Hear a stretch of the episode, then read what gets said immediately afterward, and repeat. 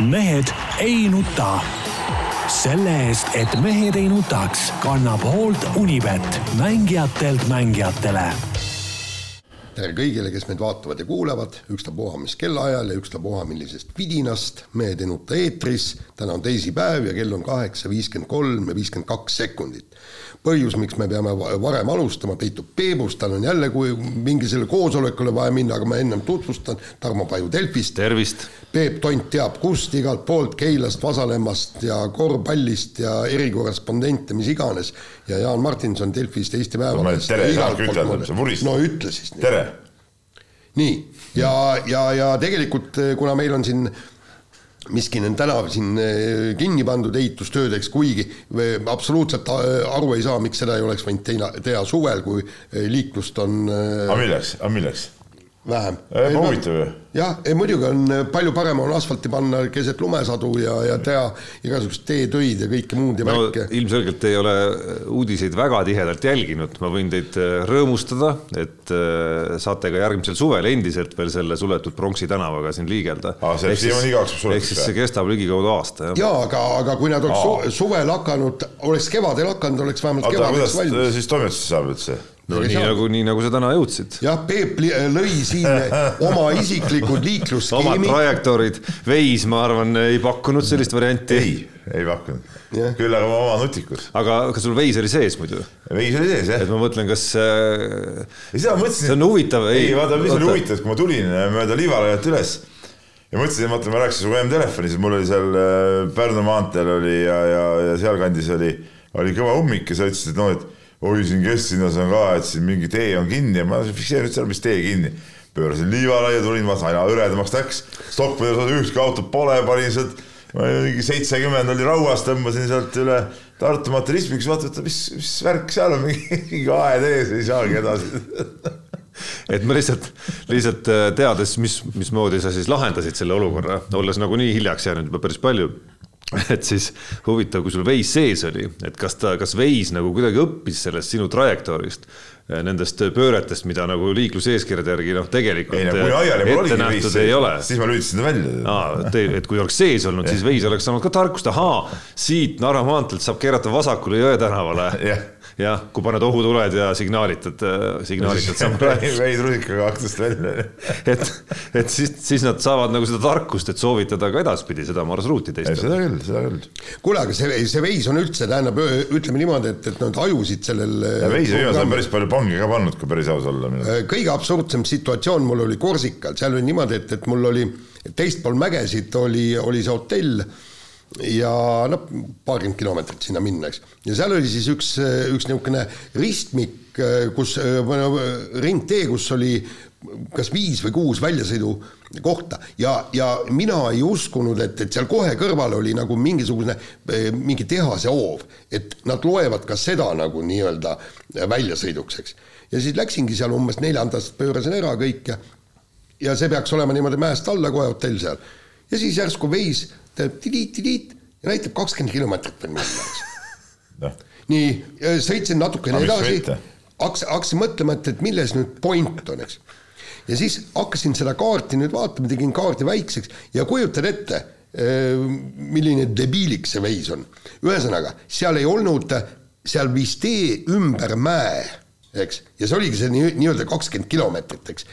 et, et siis tähendab selle asemel, et öelda, et jää seisma, lähimis, lähimas kohas keera ringi, seal kõrval oli neid maju ja hoove, kus kohas sai ringi keerata, on küll ja veel. et keera ringi, tule tagasi, sõida õigesti, eks. ei, ta ajab mind kakskümmend kilomeetrit ümber mäe ja, siis samma kohta välja, noh. Õnneks ma jagasin selle ära. testis sinu valvsust, noh. no just, jah. et liiga mugavaks ei muutuks aga, aga mis nüüd globaalselt veel rääkida? no mul on, minu ägedam veisilugu on see, et ma käisin Seenel eelmisel suvel ja olin kuskil, kuskil seal Järvamaa, Järvamaa, Harjumaa piiril, no Kakerdaja kandis põhimõtteliselt, aga mitte seal päris Kakerdaja ametlikus rabas, vaid või, või selles nii-öelda, kus matkarajad ja kõik need osad.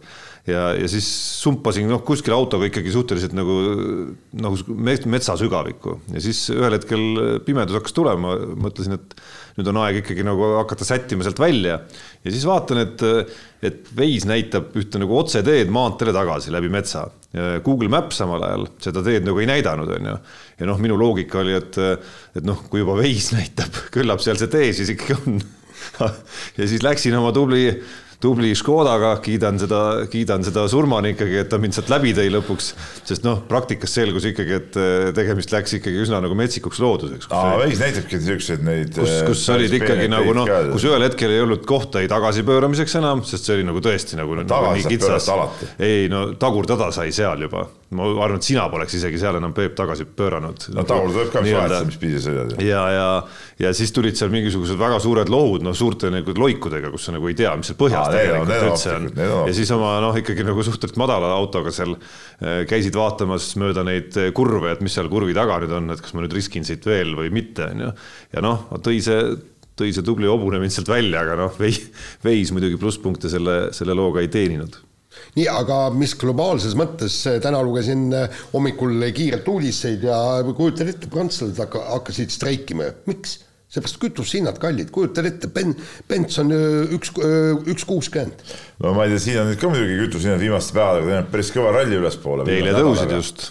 no viimase nädalaga on nad siin mitu, mitu pauku üles pannud, nii et aga hakkas pull pihta jälle. ei no Mingi... aga Prantsusmaal on tõesti, no tehke mulle selgeks, nad ütlesid, seal oli pealkiri, et, et tulevad tänavatele ja, ja, ja asi läheb hulluks kätte ära. peaks siin ka tänavatele minema, pooldaksin ja, ja, ja, ja kusjuures ma saan aru, et, et tõesti see kütuse hind on noh, tont teab mis, aga neil on üks kuuskümmend ja nad äh, lärmavad selle peale, noh eh?. inimesed teavad oma õigusi ja auto tankimine ja autoga sõitmine on inimese põhiõigus. see on selge, mis sa vaatad ei, kuulan. auto, auto on kõige tähtsam asi üldse elus. ei, ma, ma, ma olen Peebuga täiesti nõus no ütleme, ma olen oodanud siiamaani seda artiklit ja ma pean tunnistama, päris täpselt, päris täpselt veel ka meie enda loost aru ei saanud, et et mis mängud need maailmas selle, noh, sellesama konkreetselt kütusega nagu toimuvad, et siin, siin mille peale need hinnad tõusid, oli vist noh, nii-öelda nende naftariikide mingisugused mängud, mingid, mingid mängud omavahel, eks ole, seal suured riigid seal omavahel mängivad mingeid mänge põhimõtteliselt. Noh, nii nagu gaasi hind on ju ka, kokkuvõttes on see ju nagu turunõudluse teema, eks ole, et, et gaas, gaas ei tule maa seest mingisuguse hinnasildiga välja, vaid, vaid kuidagi pakkumine, nõudlus ja kui tekib defitsiit, siis loomulikult need, kes seda müüvad, saavad võimaluse kohe kruttida mitmekordset hinda, on ju. aga selle vahega, et seda siis tehakse noh, nagu nii-öelda elutähtsa teenuse arvelt, mis lõpuks tuleb kõik meie ja kogu maailma elanikkonna taskust, on ju. et, et selles mõttes on ikka nagu noh, mõnes mõttes ikka nagu raju no nii, aga, aga lähme nüüd spordi juurde, esimeseks teemaks on muidugi korvpall ja no lihtne oli sujuvalt jah, sellega alustada. ja ei no aga ma ongi, autot poleks olnud, ega ma ei saanud, ei olekski saanud ju Keilasse korvpalli vaatama tulla, noh, nii et, et auto on tõesti eluliselt tähtis mind peksti ka siis tähendab. ja tegi üle, üle, üle aastate nagu. üle aastate. õhtuse siukse väljasõidu kuskile. ei, mitte küsimus pole õhtuses väljasõidus, neid ma olen ennegi teinud, aga tulin siis Eesti korvpalli vaatama ja imestasin Tarmole kohe, kui saali astusin, mingi kummaline kaar oli selle vabaviske eh, kaare taga, küsisin, mis see on. oli, oli. ja siis selgus, et see on kolme punkti joon on ju, eks mina nagu oma ajast mäl-. ja mina. ma mõtlesin seda väikest kaart. korvialust, ei, ei, ei, ta kolmese joone üle, see korvialust ma ei hakanud talle seletama. mina ei mäle-, mina ei mäletanud küll, kui Krikun ja, ja Tomson ja Tammiste mängisid, et mingisugused kolme punkti oleks. ta mängu ajal, kirja läks kaks. ta mängu ajal vaatas kogu aeg ja noh, ta ei julenud nagu öelda, et mis pull see on nagu, et vahel antakse mingi kolm punkti tabloole juurde jah, aga ei. tegelikult... ilus vise on, siis tuleb lisapunkt ei, aga tegelikult mäng oli, mäng oli äge ja te, pärast ma hakkasin muidugi mõtlema, et, et see me, olin siis seal abikommentaator, tegin taustamüra ja, ja proovisin asja, asja mitte lootusetult pekki keerata ja aga, aga kui ma hakkasin pärast mõtlema, et see meie kommentaar, eks me, kaks inimest tulevad nüüd kommenteerima Eesti eh, korvpalliliiga mängu, on ju, ja, ja vähemalt mina ja eks Tarmo ka, me olime nii ilmselgelt Peebu poolt, hõiskasime Peebu korvide peale ja siis kirusime, kui vastased panid kolmeseid sisse, et ütleme niimoodi, et väga poliitiliselt korrektne see ei olnud, aga. ja no ma eile ka pidin natukene vähemalt ühele inimesele noh, mitte vabandama otseselt, aga noh, ütleme, et see oligi nagu oma formaat ikkagi, et see käis nagu asja juurde, et. kas meie... Pärnu mehed nurisesid? ei, Pärnu mehed ei nurisenud, aga üks inimene juhtis tähelepanu küll, et ega see nüüd neutraalne ülekanne päris ei olnud. aga noh, see, aga ütleme, mehed ei nuta erina, see ei pidanudki niimoodi nagu olema ikkagi ja ütleme jah, noh, ütleme kogu austuse juures, et nõrgema poolt tulebki olla no.. ja, ja, ja. kuigi Peep ei taha võib-olla nõustuda, et nad nõrgemad on, aga, aga noh, hetkel Oli saab nii öelda, üks on meister, üks on meister, teine on liiga uus tulnud. ja, ja siis eh, nii palju, kui ma siin nüüd, tähendab, olen sellest mängust neid artikleid lugenud ja inimestega ka rääkinud, siin ka ütlevad, ausalt öeldes selle Keila kohta ikka öeldakse, et niisuguste vendadega nii hästi mängida, et eh, noh, suur aplaus, kuigi noh, kahe punktiga eh, saadi tappa tšempioni käest, aga noh, vaata, siin oleks ka, oleks nüüd tšempionit võitnud. See oleks selge ju, ainukene eesmärk on Eesti meistrikuld.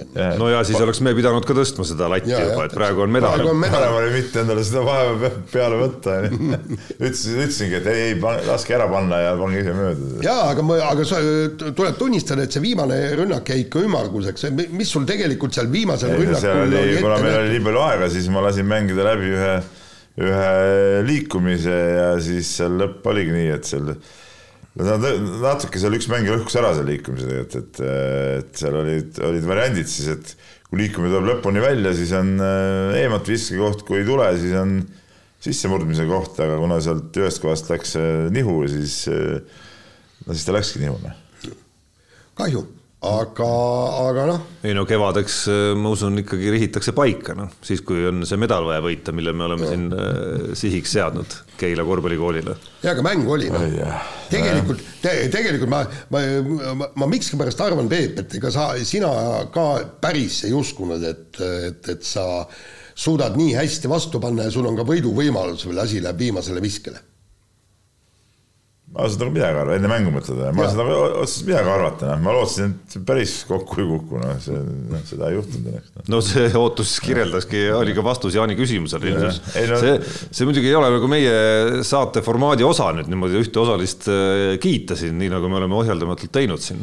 kuigi, kuigi tegelikult tõsiselt rääkides äh, äh, noh, rubriigis, kus Peep peaks ise nagu aru andma hoopis. ja seal no, näiteks üks teine korvpallipodcast leidis seal küll nagu äh, mingeid äh, momente, kus ütleme, ütleme, oleks pidanud teistmoodi tegema. ei no aga ma arvan, et sa leidsid ise ka selles mängus kohti, mida oleks pidanud teistmoodi tegema. lihtsalt äh, mida, mida, kui see kiitus kuidagi kokku võtta, siis, siis ma ise vähemalt kiidaksin. või noh, mõnes mõttes natuke meenutaksin, kuidas Peep on ikkagi aastakümnetega teistpidi jällegi nagu tundmatuseni muutunud mees. et Peep, kui sa mäletad, kui me üheksakümnendatel kahe tuhandendate alguses äh, koos väga palju korvpalli vaatasime, siis äh, joonistus meil välja nagu ikkagi suhteliselt niisugune äh, korralik põlvkonna erinevus ühes väga konkreetses küsimuses ja see puudutas noormängijate väljakule saatmist. ehk siis mina tavatsesin fännata neid meeskondi ja mängijaid nagu selle aasta Kalev näiteks, kus Tanel Kaljulaid ja Kaur Heinarud ja, ja Kristjan Maked ja kõik said kõvasti mänguaega ja sina raiusid ikkagi seda teemat, kuidas ikkagi kõik äh, vanemad mehed, kes on paremad, peavad mängima, ei ole siin mingit avansiks mingi mänguaja andmist ja nii edasi. aga Mängivadki. see kiitus, mida ma tahaks öelda, on see, et mul on väga hea meel näha, kuidas kõik need Keila poisid, kaasa arvatud see seitsmeteistkümneaastane Christopher Lenk vist oli ta nimi, jäi nüüd igaveseks meelde. Sai seal oma kolm minutit vist umbes kätte, et, et näed, kus ikkagi nagu selgrood painduvad õiges suunas aja jooksul no aga lõpuks ikka need põhimehed ikka peavad mängima rohkem, aga seal põhimõtteliselt on võimalik niimoodi nagu, nagu toimetada, et need kõik saavad, muidu poleks seal mõtet seda Keilas tehagi, loogiline. loogiline, aga ma ütlen, et see, tegelikult see, ma kardan, et see üks mäng võis natuke karuteene meile ka teha, et mingi, mingi asiotaaž tõusis üles, mis on iseenesest nagu tore muidugi. aga nüüd ütleme reedel Tartusse minna ja ütleme noh no küll, küll Tartu on ka rohkem paremini valmis, ma arvan, selle jaoks. no kui me valmistusime, kui me selleks mänguks natukene eeltööd tegid, siis, siis noh, meil on juttu olnud ju sellest, et hooaja alguse meistriliiga karjääri graafik ei ole nagu kõige lihtsamate killast, et siin kohe alguses Kalev Cramoga on päris mitu mängu koos karikaga, needsamad Pärnud, Tartud, kõik, kes järjest tulevad. aga siis ma hakkasin nagu seda graafikut edasi vaatama ja siis ma mõtlesin, et okei okay,, et kus need Keila jaoks siis nagu lihtsad vastased seal paistavad. mitte lihtsad, vaid et tegelikult ei olegi sellist ju. Nagu mõistlikum mängida, noh, siuksed noh. ma ega seal, no ütleme paberil, noh, nagu väga palju sealt ei tule, et oh, näe, Rapla tuleb, et nüüd on meil, no, nüüd on hoopis teine. seda muidugi, no aga, aga ütleme ikkagi Cramo, Pärnu, Tartu peaks olema väidetavalt ka sel hooajal kõige kõvem äh, kolmik. et noh, raske on igal juhul. raske on igal juhul ja seda pole keegi väitnudki nii, aga kui Kossust äh, ja muudest teemadest rääkida, siis, siis äh, võib-olla liiga alguse, liiga algust tervikuna, et mis, kuidas sa nüüd konkurendi, mitte ajakirjaniku nurgast vaatad seda, et kes, kes siis nagu positiivselt, kes siis negatiivselt on siin hooaja algul silma jäänud? no Tartu on väga okei olnud minu arust, kuigi okei okay,, see esimene mäng oli niisugune üle kivide kändude, aga aga tegelikult neil on kolmest kolm praegu suhteliselt kindlalt ikkagi, et ja nad on mänginud ju ka ju Viimsi ja, ja, ja, ja kes see üks neil oli seal, Tallinna Kalev, Viimsi ja mul on juba meelest ära läinud no.. jah, ja üldiselt neil on, neil on nagu, neil nagu tundub, et on, on päris hästi ja, ja kel, kellel veel on hästi, noh, ma ei tea. no Rapla on. Rapla on suht okei okay olnud jah. suutsid seda Liepaat ka võita, kes siin, kes siin üllatas VEF-i ja Kalev Cramo alistamisega, et noh, tegelikult liiga on päris huvitavalt pihta hakanud, noh. et siuksed, tundub, et no jätame selle õudse Prometee kõrvale, eks ole, ja noh, VEF, VEF ka VEF-iks ma kohe ootan huviga, kui see, kui VEF ikka tuleb Keilasse mängima, sest meie saal ei vasta ka FIBA nõuetele, nagu siin VEF-i peatreener äh, välja ütles, et ta ei tule, et no siis siis selle võistkonna ja selle väljaütlemise vastu ma loodan küll, et, et õnnestub nagu mehed üles häälestada ja, ja, ja midagi korraldada. et, et aga muidu muidu no ütleme, sellist domineerivat võistkondi pole, no ma arvan, et sellest päris no, huvitav hooaeg. no üldse ei ole, selles mõttes, et Pärnu ja Kalev Cramo algus on olnud noh, pehmelt öeldes nagu konarlik ikkagi et äh, eks neil on fookus mujal okay, ka. Kalev Cramo fookus on mujal ja Pärnu fookus on ka mujal. see nädal ikka alustavad euro, eurosarjasid ja, ja no minu arust jälle Kalev Cramoga on jälle sama, sama häda nagu, et nad on jälle, ma ei tea, kahmanud endale mingi miljon mängu, eks ole, noh, nüüd ongi, meil on karikas ka nendega mängida no üldse muidugi see, juba see, et seda karikat peab mängima niimoodi nende põhiturniiri mängude vahel nagu noh, mul tekib praegu olukord, kus ma mängin Kalev Cramo kolm, kolm mängu järjest tegelikult noh. mis on nagu, nagu totrus. ja nüüd Kalevi mängugraafik on nagu nii tihedaks juba läinud, et nad mängisid eelmine nädal kolm mängu on ju, nüüd see nädal neil on ka vist äkki kolm mängu ja, ja järgmine nädal nad tahtsid alguses mängida niimoodi, et mängiksime üks päev karikamängu ja sellest järgmine päev kohe liigamängu noh et noh, mis on olemuselt ju totter, et mille, mille, kelle jaoks see kihutamine siis käib, et mis, mis selle sihukese mängimise mõte on, no see on tegelikult olemuselt ju tegelikult täiesti ajuvabad, et no mängitakse ikka selleks, et inimestel oleks tore vaadata, aga mida see tore vaadata on, kui sa kaks päeva järjest mängid ühe vastasega. Noh. No ma kahjuks ei tea, miks, ma kahtlustan küll, et, et seesama EM siin alguses segas ära võimaluse neid karikamänge hooaja eel pidada, et see hooajaeelne faas jäi ju nii lühikeseks lihtsalt. Ja pigem seal ka klubid otsisid endale neid Eesti-Läti liigast väljaspool isegi kontrollmänge, et Leedus käisid siin ju päris paljud ka, et, et võib-olla see on see taust seal, aga ega päris täpselt ka muidugi ei tea. ideaalis võiks need olla tõesti sätitud kuskile no,, kuskile süsteemselt, äh, et, et lähebki kogu tähelepanu mingil nädalal näiteks karikamängudele ja kõik mängivad siis sel ajal karikamänge. või noh, sama no,. tunduks, tunduks loogiline. kaheksa esimest panevad põrutavad selle play-off stiilis oma karika nagu, nagu siin Hispaaniad ja, ja. jah, jah, et, et, et sa, et sa nagu ajad, et sa ajad nii-öelda turniiriks kokku, ükskõik, kas see on siis kaheksa või see on siis kuue võistkonnaga või nelja võistkonnaga, aga sa, sa kuidagi jah, et see, need ringid seal topeltmängudega ka veel, et, et see ei tundu nagu, nagu, nagu see, väga vajalik, sest enamasti on seal veel või päris tihti on seal veel ebavõrdseid paare ka sees. no nii on jah no võta korvpallist järgmine teema. ei no korvpallist järgmist teemat ei saa võtta, sellepärast et korvpallist on veel rääkida, räägime Euroliigast. ei, ma ütlengi, korvpalli järgmine teema. ehk siis Maik-Kalev Kotsari vägev debüüt Euroliigas ja, ja noh, ka laiemas pildis, ega ta ei ole ainus tubli Eesti korvpallur välismaal siin viimastel nädalatel ja ka viimasel nädalavahetusel.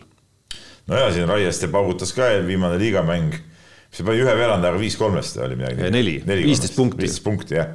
neli kolmest ja, üks kaks pluss üks. üks kaks pluss üks, jah, jah et, et. ja Kristjan Kullamäe oli Leedus Žalgirise vastu mängus, tõsi, kaotatud jah, mängus oli jah. meeskonna resultatiivsem, aga noh, see kõik kahvatub ikkagi minu arust Maik-Kalev Kotsari debüüdi kõrval, et oodata, et see nüüd hakkabki iga mäng nii olema, on loomulikult utoopia, aga. seda aga... näitas juba see liigamäng, et ega Kotsaril ei ole need minutid seal kandiku peal ette antud et.... no ei ole minutid kandiku peal ette antud ja ei tule ka iga mäng need asjad niimoodi nagu välja, et see, kuidas konkreetses mängus konkreetne tandem, see Darius Thompsoni ja Maik-Kalev Kotsari äh, moodsas keeles pick and roll siis nagu toimis noh, tundus selles, isegi sellel tasemel nagu müstiline natukene. et, et noh, see nägi välja nagu, ma ei tea, Luka Doncic ja Mike Toby oma parematel hetkedel Sloveenia koondises, aga me oleme ka seal näinud, et need ei toimi nagu igavesti. ja muidugi ei toimi ja, ja no oligi võib-olla hämmastav, et vastane äh, Valencia siis, eks ole, ei suutnud sellele õiget vasturohtu leida, noh, et, et et mingid käigud jäid neil ka puudu, aga, aga ütleme, Kotsar kasutas need hästi ära, et ega Kotsar, ütleme, noh, tal polnudki muud seda teha, kui need, need pallid lihtsalt äh, ilusti ära tõsta. jaa, aga see on ka aga nagu. mõned aga..., mõned neist olid kõik väga rasked jälle, siuksed siuksed, et no vaatad, et oi-oi, et siit ei saagi midagi tulla, aga ikka, ikka tulid, tulid korvid ära. aga samas see lause, et umbes, et noh, et ei olegi nagu midagi muud teha, kui need sisse tõsta, on mõnes mõttes ka petlik lause. et miskipärast me näeme, et on, et miskipärast me näeme, et osa pikkasid on võimelised esiteks panema selliseid katteid ja, ja teiseks liikuma selle katte järel siis vastavalt tagamängija liikumisele ja kaitse liikumisele nendesse õigetesse kohtadesse, nii et see sööt talle nagu lõpuks jõuab. just, et, et noh, see on puhas ka noh, selline, ta ei ole klassikaline individuaalne meisterlikkus, mida me mõtleme selle all, et näed, mehel on pall, oskab üle hästi põrgatada, vise on super, et ta ei ole selles mõttes meisterlikkus, aga tegelikult on ta samasugune meisterlikkus, lihtsalt noh, ilma pallita tegevused on kõik need, mis eelnevad sellele, et ta üldse nagu sellisel, sellisel kohal sellise viske kätte saab endale. Et ja, ja iga pikk seda ei oska, aga, tema, aga tema arsenalis on see kahtlemata üks, üks äh, oskusi, mis ma arvan, et kui kaardistatakse tema nagu mängija omadusi, siis äh, kus need nii-öelda hind, hinnangud on kindlasti laes. eks ta sihuke paljudele vastastele sihuke natuke ebameeldiva kehakujuga vend ka, et ta on sihuke noh, sihuke paras põkk ja jässakas vend, eks ole, ta ei ole sihuke sihuke õudne vibalik või, või, või noh, sihuke vedelpikk nagu paljud on, eks ole, et ta on nii pagan tugev ka, et ega kui ta kuskil läheb, ega teda tagasi hoida on, on väga raske. Noh. et selles suhtes see on suur, suur pluss talle. Noh. aga no ma olen kokkuvõttes nõus, et selle lausega, mis ta ise ütles, ütles ka see oli mängumeeste Twitteris vist oli see, olid need laused, et mis ta ütles selle kohta, et, et mis, kus see nagu alus on nagu laotud ikkagi, et, et noh see teeb nagu ikkagi rõõmu, et, et just selline tüüp, selline töömees, mees, kes on ka oma vaimse poolega näinud vaeva kõikide nagu süsteem, hästi süsteemselt kõikide oma nõrkustega, ei ole see karjäär kulgenud tal seal ka USA-s niimoodi, et kogu aeg, iga aastaga kogu aeg läks nagu samm üles, oli ka seal tõrkeid, kus ta pidi endaga vaeva nägema. et, et, et just, et just temasugune mees siis, siis saab sellise debüüdiga hakkama, noh, on nagu mõnes mõttes noh kuidagi nagu hea tuju lugu selles mõttes just, et näed, tee, tee tööd, näe vaeva süsteemselt ja siis see tulemus ka tuleb. nojah, aga lihtsalt jah, see küsimus, et see avamäng, noh, no see ülisuper, eks ole, on küsimus selles, kui see meeskonnasisene konkurents läheb jälle tihedamaks selle positsiooni peale, minutite peale, et, et mis, mis nagu siis hakkama saab hakkama ja, ja ja, ja mis need treeneri valikud on, et noh, siin tuli, meil on pärast on siin kiri ka, eks ole, et, et miks see ja teine ei olnud eh, lõpuminutitel väljakul ja nii edasi, et noh, noh, need ei ole nüüd üks-ühele võetavad alati, et täna tegi hea mängu, et nüüd ongi nii, et, et see mees on alati platsil. aga kõik ei ole ilus ka selles valdkonnas. Janari Jõesaare vigastus on ikka no, pagana nõme lugu. päris valus asi ja, ja, igas mõttes noh, noh talle endale eelkõige isiklikult, see on loomulikult, eks ole terve hooaeg jääb vahele kaksteist kuud umbes.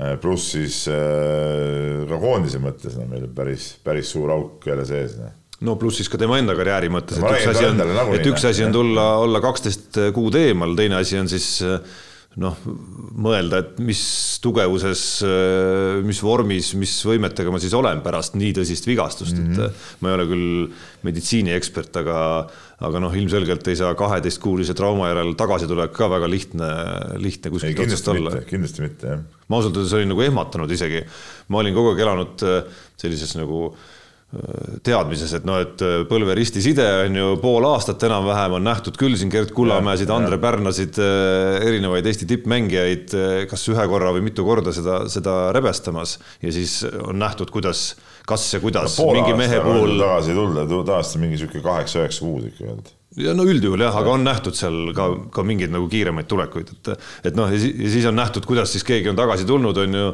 ja nii edasi, nii edasi. ja siis on mõeldud, et okei okay,, see vigastus tuleb, noh, see on kõige hullem asi umbes, mis juhtuda saab. ja siis põmaki kaksteist kuud loed, loed uudisest, kergitad kulme. jah, no see on vastik asi, mul endal seda ka juhtunud.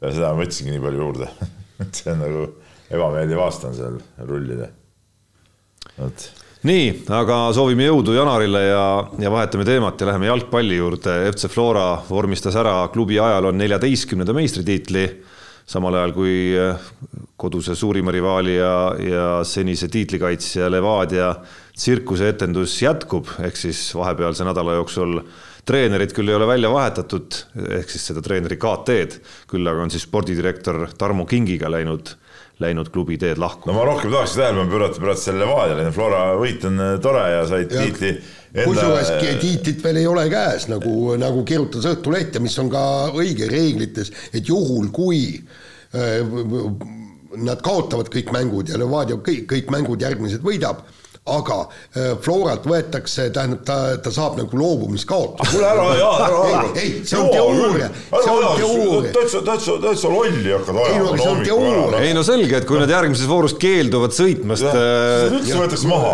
muidugi noh. et kui nad kaks, ma ei tea, kas jalkas on see süsteem, et kui kaks loobumiskaotust, siis võetakse maha üldse. et selles mõttes jah, ei ole tõesti. no aga nii on. sellest tehti lugu või? Ja, ja. okei okay okei okay,, see selleks, aga, aga see, mis Levadias toimub, see, see on küll niisugune, et suu on lahti kogu aeg, kui jälgid, mis mis seal nagu tehtud no see... on ja mis, mis seal toimetatakse ja see kingi värk ka, ma saan aru, et lõpus seal ütleme, kõik asjad käisid üle kingi pea, et ega tal ei olnudki mõtet seal enam olla eriti. ja no see liigutus äh, minu arust kõikide liigutuste kõrval oli veel kõige loogilisem, et kui nagunii hakati asju ajama juba ja. nagu ilma kingita, tehti liigutusi nii, et Tarmo Kink ei olnud nendes osaline, noh siis ilmselgelt nii kingi vaates kui ka klubi vaates ei ole mõistlik äh, spordidirektorit äh, üldse nagu omada, vähemalt Tarmo Kinki mitte, sest et noh, ma ei tea, tema otsustega siis poldud rahul.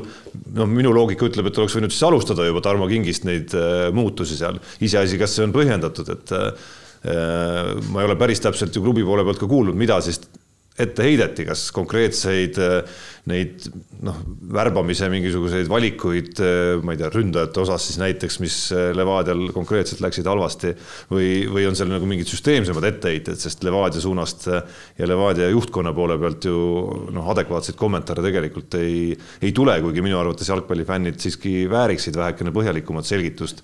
noh, pakun, et siis Viktor Levadalt ilmselt, kes see muu saab neid selgitusi anda, aga aga Levada teadupärast on ikkagi üsna peidus läbi aegade olnud ja, ja, ja on endiselt. ja siis räägiti, et on mingisugune hall kardinal, mingi hästi kummaline, segane kuju mingisugune. segane kuju jah, kes, kes siia tuleb ja hakkab siis, siis tõesti meeskonda täiesti lambist noh, nagu koostama, teadmata üldse kogu, kogu seda õiget süsteemi, eks selleks, et noh, et spordi mul natuke hakkas meenutama see kunagist Kalmar Salgrise seda nõide, et, et ka mingi no ja omanikku ka tegelikult. ja omanik ka, eks ole, jaa, aga aga kui ma seda, sellest kuulsin, sellest mingist Aldis Kardinalist, mul kohe tuli nagu see, kus oli ka treenerile ette antud paberi peal siis millal ja keda tuleb vahetada. no et Vladimir Romanov nagu ja, Levada ja siis see ja, kardinal seal ja, see, nagu see, mis ta nimi oli, ma täpselt seda nime ei mäleta.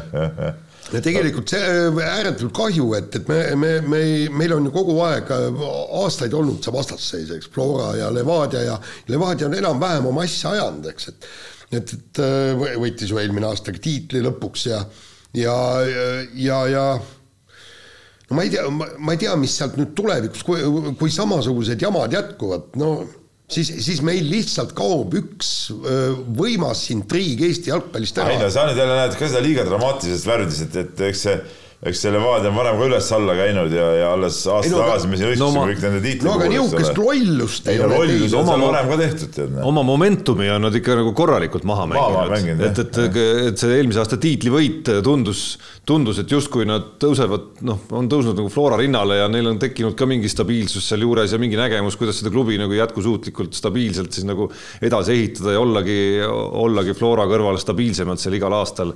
sest noh, muidu me oleme näinud, et Flora küll võidab kõige rohkem, aga need konkurendid, põhirivaalid nagu vahetuvad seal natukene kõrval, et, et sihuke mulje jäi, et nüüd Levadia eh, noh, tekib nagu stabiilsemalt sinna ikkagi, aga, aga see on nüüd küll täiesti maha mängitud. see on maha mängitud jah, ja, ja. et, et kuidas sa värbad nüüd uusi treenereid, uusi mängijaid kõiki sellistes segades oludes? no eh, ja, ja mulle see noh, ma ei tea, Kinki nii hästi ei tea, mismoodi seal klubis asju ajas, aga vähemalt no ma olen see, nende jalgpalli podcast'i suur kuulaja ka ja seal jätab küll väga adekvaatse mulje, kõik, mis ta nagu räägib klubi asjadest ja, ja, ja kõigest sellest, et ma arvan, et sihuke, sihukesest vennast loobumine ka ei ole nagu, nagu väga hea käik tegelikult, noh no tagantjärele tundub see kõik ikkagi nagu ülereageerimine päris kõvasti, et Levadia seisud ei olnud nii halvad kuni selleni, kui nad said selle ühe euromängu tohutu No ja siis- koslepi ja ja, siis- on ka see, ongi täpselt, et no ja siis no, et ikka mulle, tulebki mulle ette muidugi ju. hakkas kõvasti silma ka meie äh, Eigo Kaljuranna äh, mingisugune täielik udujoga, mis ta kirjutas ka kokku sellest Levadia olukorrast, nagu sealt tuli nagu välja, et noh, need treenerid, mis seal olid, olid täielikud udud, eks ole, ja ja vahetati peatreenerid, läksid eest ära ja tuli abi, endine abitreener ja tema ju viljeles samasugust seda halba ja viletsat jalgpalli nagu, nagu eelmised, et et noh, ma ei tea, alles need samade vendadega tuldi ju Eesti tšempioniks, ma tuletan meelde, et kuidas nad järsku nii, nii kehvaks said, et et noh, mingisugust niisugust noh, krediiti peab ikkagi andma, eriti kui see on valitseva meistritreenerid, noh, no tuli mingi tükk sisse, no mis siis no isegi, Ale, isegi Alex Fergusonil tuli neid tükke muidugi, sisse. kõigil tuleb ju, noh, aga, aga, selle treeneri vahetult tähendab, selles mõttes oli, oli seal loos oli kõik õige, et kui sa tahad teha muutust, võtad need treenerid ei no jaa, aga see muutus iseenesest oli juba lollus. ei, oli lollus no., aga, aga seda ei ole seal loos välja toodud. jaa, kuigi, kuigi see see, oli- see, muutuse alge oli ju siiski ka need treenerid ise, see treenerite tandem, et minu arust nad ise tõstsid ka käe sellel hetkel no natuke see oli jälle noh. aga, aga, aga see ka ei tähenda, et ega me ka täpselt kogu tausta seal ei tea. ise tõstis, kui palju see mängiti välja, nii et tõstsid, noh. ja, ja, ja, ja, ja, ja, ja just ja see on ju topeltlollus, eks, et, et ühesõnaga treenerid kas lähevad või sunnitakse minema ära sellepärast, et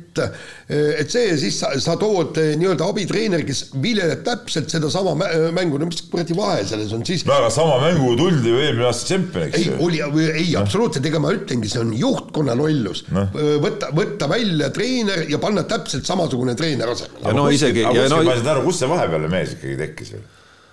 Vot see, ei no see ongi see koht seda ei ole mitte- keegi suutnud lahti kirjutada. ja aga see ongi see koht, kus, kus, kus ma, mina väidaks ja ütleks, et äh, jalgpallifännid, eriti Levadia fännid väärivad siiski nagu rohkem selgitusi sellelt inimeselt, kes on neid otsuseid teinud ikkagi, et mis siis klubis nagu toimub. meie jalgpalliajakirjanikud on ka siuksed, siuksed õudsed ninatargad, võtke kätte, tehke ära see, mis seal mis värk seal tegelikult siis on, tead noh. No jaa, aga ei tea infot, ei tea infot, noh. no eks sa oled elus püüdnud ka Viktor Levadaga intervjuud saada ja, noh, tead ka selles mõttes, et Ei no teinekord võid aasta Levada,, no. teinekord võid aasta aega proovida ja ikka no ei saa. praegu no, kink on praegu vaba mees, võtke see kink ette, siis räägib kõik südamed ära, mis on. noh.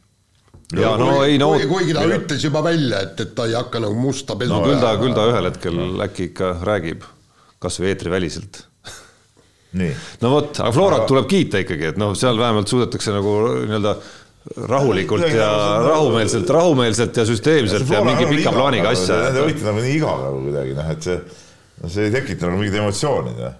ma ei tea, minus, minus selles mõttes nagu tekitab ikkagi, et kuna seal, kuna seal äh, noh, just see, et äh, see treener, kes seda asja seal on ja kes on saanud seda väga pikalt ajada, on jätnud ääretult sümpaatse mulje ja, ja, ja ma just, et ma väga loodan, et temast tuleb varsti Eesti koondise peatreener ka, et ei hakata siin nagu leiutama mingil hetkel enam, et et kui mõelda, et mida siis Eesti treener peaks veel tegema, et et lõpuks see pakkumine saada, no siis äh, Henn, mina ütleks küll, on kõik tegelikult teinud kaasa arvatud edu Euroopas. Jaa, aga teine küsimus on see, et, et kas tal on vaja minna, kui sa oled väga hea klubi treener, kas sul on vaja äh, hakata ka äh, sinna koondise treeneriks? no see on ikkagi ju ka koondise treeneriks, vaid siis ikka koondise treener, oled ka lihtsalt just- koondise treener. jaa, aga vot see ongi no see on see- samm edasi ju. ei no see, see on samm edasi, üksteist pead seda sammu tegema, no kaua sa oled see hea Flora treener, noh. see hakkab lõpuks ju nagu ära ka tüütama. noh. jaa, aga sealt edasi, kui seal põrud ja vot siis oledki teelahkmel, aga miks mitte, nagu, nagu Alex Ferguson kakskümmend aastat. ei no eks see käib samamoodi iga ametiga kaasas, et noh, Peep samamoodi põrub ja siis on teelahkmel on ju, et nagu see käibki asja juurde, aga Ei no ma arvan, see- et minul on Jürgen Hennist jäänud mulje, et tema on valmis ühel hetkel neid väljakutseid ja järgmisi samme tegema kindlasti no.. sama on ju ükskõik mis välisklubi pakkumisega, et loobud sellest mugavast Florast ja lähed kuskile tundmatusse, kus sa võid kuu aja pärast juba hüvasti jätta, et no midagi ei ole teha, need riskid käivad asja juurde. Nii nagu Zaha Vaikone läks nüüd, kus ta läks, Saudi. Kambiasse. ei, ei tema läks Kambiasse jah, jah. noh, miks ka mitte noh soe vähemalt seal. jah, nii, aga lähme kergeatleetika juurde ja üks äh, päris segasevõitu intervjuu ilmus siis pühapäeval äh, Eesti Televisioonis, kus siis odaviske MM-hõbe Magnus Kirt nagu rääkis, et nagu lõpetab karjääri ja nagu ei lõpeta ka, et, et äh, ta on mina nagu, ristteel. mina nagu aru ei saanud ausalt no minu arust ei olnud väga segane. Selles mõttes, et trenni teeb ta edasi nii, ütleme, sisuline eesmärk tundub mulle on vaadata lihtsalt, kui kaugele ta suudab veel visata selle pealt. realistlik hinnang, realistlik hinnang on see, et hea, kui ta kaheksakümmend meetrit veel kunagi viskab. ja noh see ongi, siis on nüüd, see on definitsiooni, see on nüüd nagu definitsiooni küsimus siis, kas see, kas see on siis veel nagu sportlaskarjääri jätkamine või mitte, no et mingist otsast eh, ta tundub mulle, et ta ei näe enam ennast medalite pärast võis, võistlemas eh, tippvõistlustel, aga teisest küljest teeb ta nagu kohalikul tasemel sporti edasi, koos, koos siis noorematega ja, ja, nendega, keda ta samal ajal natukene siis treenib ka. ei no jaa, aga siis eh, mis see mis selles halba, mis selles nagu halba? ei, inimene trennib muidugi teha. Eesti meister suudab ta sellel tasemel olla veel aastaid on tore, aga no see, ma ei tea, mulle jättis niisuguse nagu kummalise, kummalise mulje igatahes no. aga, aga no, samas temast võib ka aru saada, see on nagu see otsus, et ta nagu ei eh, pürgi enam kõrgele, on igatepidi nagu loogiline, eks ole, noh, ta ei ole ennast terveks saanud, paus on veninud väga pikaks, toetajad on ära kadunud, EOK palgalt võeti maha, eks ole, noh, kokkuvõttes millest sa seda, seda trenni siis teed, et see, see kõik on nagu loogiline, aga aga, aga noh, lihtsalt see kuidagi see see sõnastuse väljamängimine jättis minu jaoks natuke segase mulje. nojah, aga ilmselt ta tunnetab ja tema teab ja saab aru rohkem ja võib-olla ta ei taha seda välja öelda, et ta ikkagi mõistab, et, et temast enam üheksakümne meetri meest ei tule ja kaheksakümne kahe meetri meest ta ei taha olla no,. väga lihtne no minu arust oli ta nagu mõistlik sõnum selles mõttes, et ta võttis nagu avalikkuselt maha selle ootuse, et veel Magnus Kirt tuleb ja, ja hakkab veel kõmmutama kuskile üheksakümne meetri peale, et, et, et, et ei oleks enam ei päris spordisõbral, natukene kaugemal spordisõbral seda ootust, et nüüd, kui Magnus Kirt järgmisel korral jälle noh, teeb oma esimese võistluse, et nüüd me kõik ootame, jälgime kaameratega, et noh, kas tuleb ja on vana Magnus Kirt tagasi. et minu arust ta võttis nagu selle, selle pinge ja ootuse ja maha ja, ja nagu kuidagi tekitas väikese niisuguse nagu reaalsuskontrolli ümberringi igal pool ja, ja natukene nagu rahulikum tal endal ka edasi minna just nagu sellise jutu pealt no.. samas oli nii, et eks need selle hooaja paar võistlust nagu näitasid ära, et ega seal päris raske on üldse loota, et midagi veel tuleks. ma mõtlengi, et, et, et mis noh, mulle nagu tundub, et loogiline oleks nagu üldse ära lõpetada, eks ole, mis see, mis see sulle annab, aga teisalt jälle noh kui mees paneb endale eesmärgi, jah, ma tahan visata veel ükskord elus kaheksakümmend meetrit, selle nimel töötab, ei las ta töötab, ega ma, ma nagu otseselt ei mõista hukka, aga, aga minu jaoks see sõnum jäi lihtsalt natuke segaseks, no sina, sina lugesid selle enda jaoks nagu selgemini välja, minu, minu jaoks see nii selge ei olnud. aga karjääri lõpetamisest rääkides, siis üks suur lõpetamine on meil päris tõsiasi ka. Tanel Kangert. jah, ei no kõva, kõva mees, aga, mina ütlen ikka väike aga jääb tema selle karjääri peale ka alati püsti, et, et mees siis, kes ei tahtnud võita või võib nii ütelda, Jaan, sina ei, no, meie jalg, nii-öelda jalgrattaspetsialist. no nii, nagu ma temaga ju rääkisin, küsisin ju, et, et kas jääb midagi kripeldama, ta ütleb, et, et ei, ma tunnetasin väga täpselt, milleks ma olen võimeline. ja, ja, ja ta leidis, et abilise töö on see, mis talle leiva lauale toob ja ta oli maailma üks parimaid äh, abilisi ja tõi nii, nii palju võite, äh, kulda ja karda. Korraga lõpetasid ka koos, et see oli ka nagu koos lõpetasid jah, aga, aga, aga ma ütlen, et, et tegelikult Tanel Kangertiga äh, juttu vesta ja rääkida, see on, see on, see on ikka suur rõõm, sellepärast et ta, ta on niisugune hästi mõistlik vend ja, ja Ei, ta, ta mingeid lollusi ja rumalusi, aga selles mõttes küll, et ega, ega, ega tegelikult on ju räägitud ka, et, et ta ühesõnaga, äh, see, see oli olümpia, Riia olümpiamängud, kui ta sai üheksanda koha. Ja räägiti, kui ta oleks sõitnud endal tõesti nii-öelda vere ninast välja, tähendab ühesõnaga minnud äh,, läinud täispangale, kas kustun või või, või, või siis võidan medali, et siis oleks pronksi võimalus olemas olnud aga temasse oli juba sisse programmeeritud see nii-öelda abistaja töö, ehk siis ma ei tohi ühegi etapi lõpus olla täiesti tühi laip, nii et taastun kaks nädalat. alati peab midagi sisse jääma, sest järgmine päev on ka päev, eks. ja, ja, ja sin-, sinna nahka on läinud ilmselt mit-, mitmed võidud.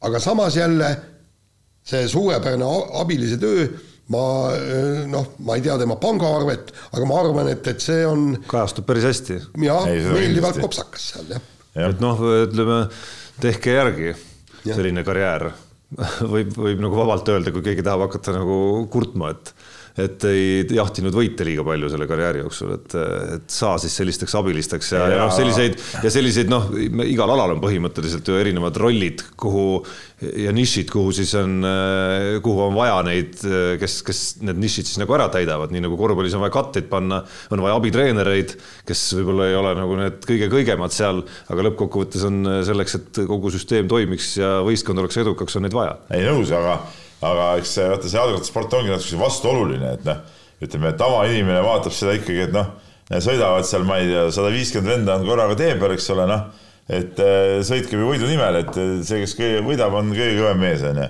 et seda, et see tegelikult tegemist on ju totaalse tiimispordiga, see ju tegelikult ütleme, seda sellisel kujul ju välja, välja ei paista, et ei võida ju, ju ma ei tea, tiim seal Astana või, või Ageedu Söör, vaid võidab ikkagi seal keegi sõitja, eks ole et selles suhtes, kui me vaatasime neid Kirsipuu võite, noh siis see oli nagu äge sõit, et noh, tema mängis alati nagu võidu peale, noh. et seal ütleme, selleks, et üldse aru saada sellest Kangerti eh, spordi tegemise siuksest nagu, nagu ideest, eh, no selleks pead olema ikka nagu sügavam spordi, spordivaataja, et sihuke tavainimene seda ei saagi hoomata ja noh, kokkuvõttes me ikka tahame, et, et meie oma mees läks ikka ise võidu peale välja, mitte ei ei aitaks seal kuskil vedada ja siis lõpuks äh, kaotub kümne minutiga.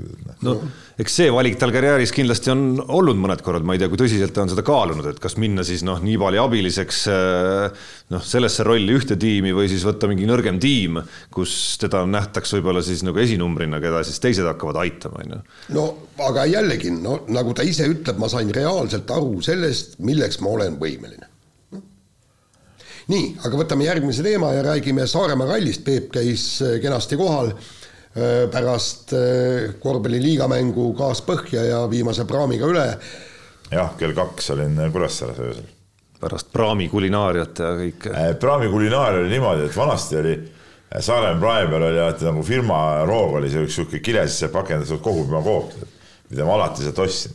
ja nüüd läksime ka, praam oli ju sellise null null kolmkümmend läks välja praam see oli noh, siis pooltühi või pooltühi või veerand tühi, eks ole. ja siis läksime äh, poisiga, äh, noh tuli sinna pildistama ka, eks ole, läksime siis üles puhvetisse ka, et vaatame siis koogumakooki ka ja pagan polnudki tead. küll aga oli mingisugune meekook. aga nüüd on jumal nii pisikesed tükid lõigatud, ma ei näinudki taldriku peal seda, vaatasin tühi taldrik. natuke võtsin, mingi maitse tuli suhu, pidi kaks tükki võtma. Noh. et aga see oli, see oli päris hea, see meekook oli ka päris hea, aga aga äh, Saaremaa, ma ei tea, kes seda, see Leedu enam ei tee ju, ma ei tea, kes, kes seda seal, riik haldab seda liini või? Saare... Tallinna Sadama laevad vist või? kuule tooge see kohumikook tagasi sinna menüüsse, mis nalja teete või? see on eluaeg olnud seal, sa, sa ei tea, sa ei tea seda kohumikooki või? ei tea, küll aga ma tean seda, et ma sain sel, et ma sain sel suvel Saaremaa praami peal vist kõige kallimat jäätist, mida ma kunagi eales olen ostnud, mul pidi suu lahti jääma, seal on mingi Erki nurgake on vaata seal ja, praami peal. Ja.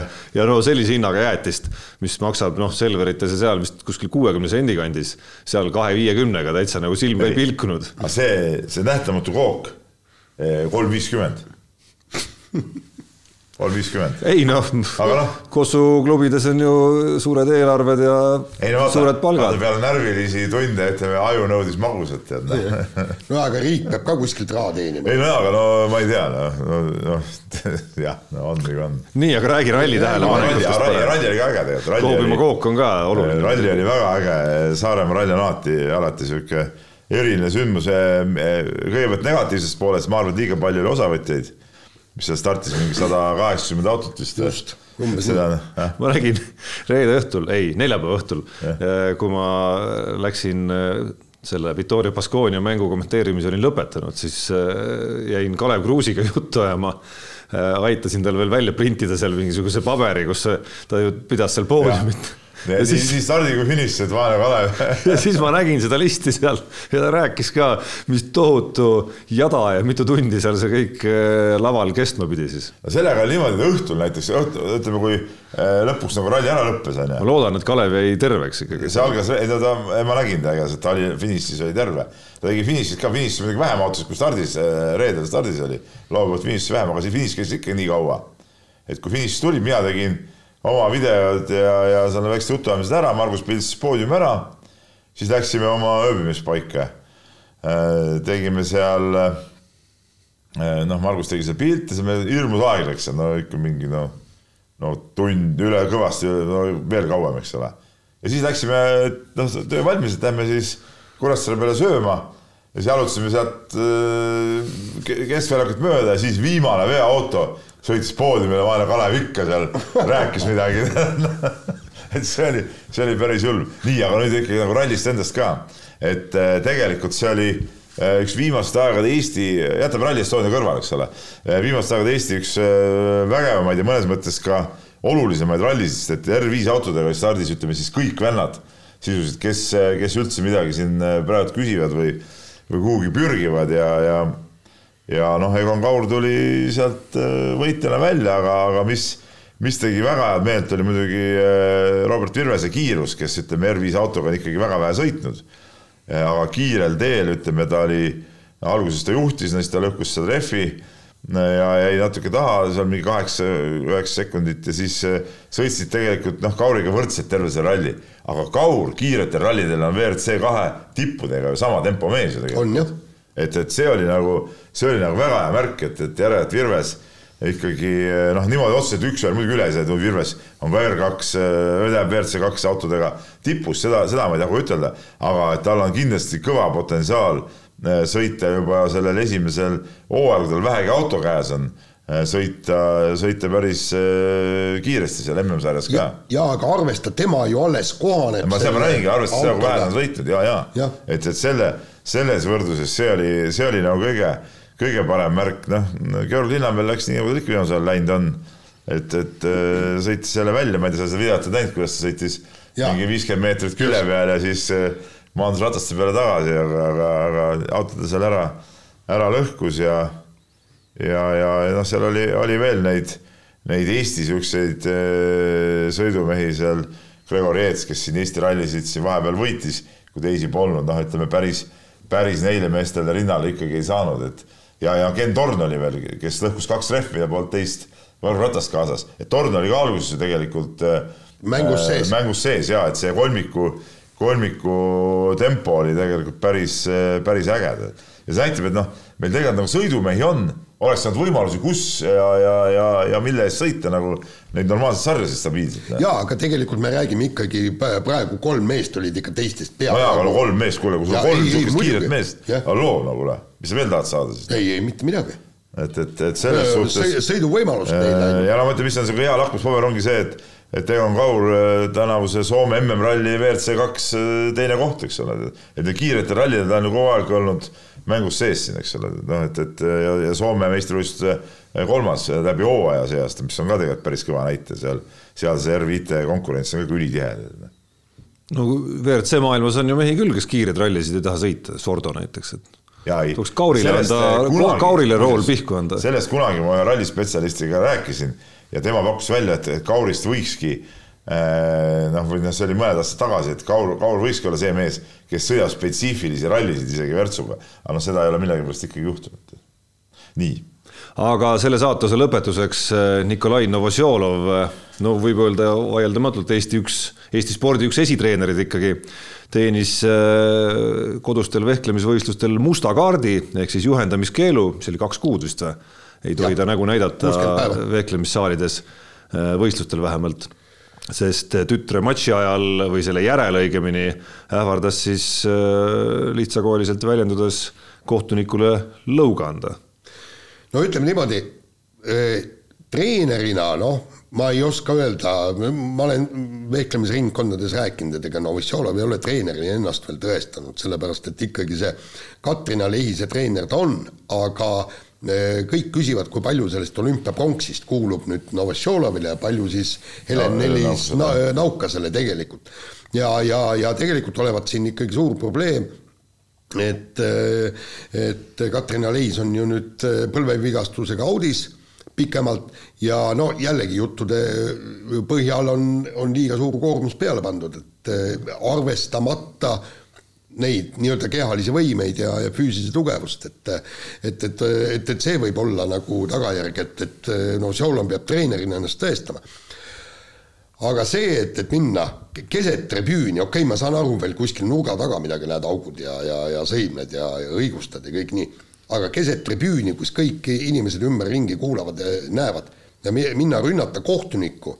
no esiteks tundub rumal on rumal. no eks see on emotsioonid. emotsioonist saad aru. üle pea nagu kokku. emotsioonist võib aru saada lapsevanemana, aga tegelikult nagu kõige rohkem tundub no just selle kaliibri, noh, me räägime ikkagi tõesti kes on Katrina Lehis, kes on Nikolai Novosjolov Eesti spordis, siis nad on ikkagi nagu, nagu no ikkagi nagu nii nähtavad tegelased, kui üldse võimalik on.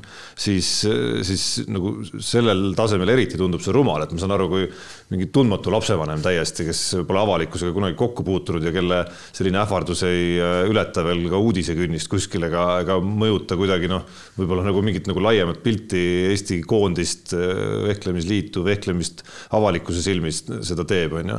aga Nikolai Novosjolovil peaks, peaks see latt nagu kõrgemal olema ikkagi. no peaks jaa, aga no, no mis sa teed, kui lained üle pea kokku löövad, noh no. kuigi vanasti oli ikka nii, et kurat, mees, lähme välja, tead noh mm. Lähme välja, eks ole. teeme sotid selgeks. teeme sotid selgeks, mis te siin. no oleks see siis, oleks see siis nagu Katrina Lehise treeneri suust nagu normaalne asjade käik või? Lähme välja või? jah tütre, tütre, tütre vehklemismatši järel, tegelikult muidugi lapsevanemad, nagu sa Peep ise treenerina tead, võiks siiski natuke rohkem distantseeruda pigem oma laste ta on, ta võistluste treenerite.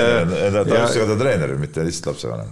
no okei okay,, no see jah teeb asja veel nagu hämaramaks ei, või no nagu segasemaks. ei, ma kindlasti ei, ei, ei kiida heaks äh, Novosolovi sellist asja, seda, seda kindlasti mitte, aga aga, aga, aga põhimõtteliselt on võimalik ka mõista, et need äh, närvid seal krussi lähevad ja, ja ja, ja emotsioonid üle pea keevad, aga aga kui, no üldjuhul on muidugi nii, et nagu ma sain nendest juttudest aru, eks ole, et et see kohtunik äh, andis talle nagu võimaluse ennast tagasi tõmmata, eks ole.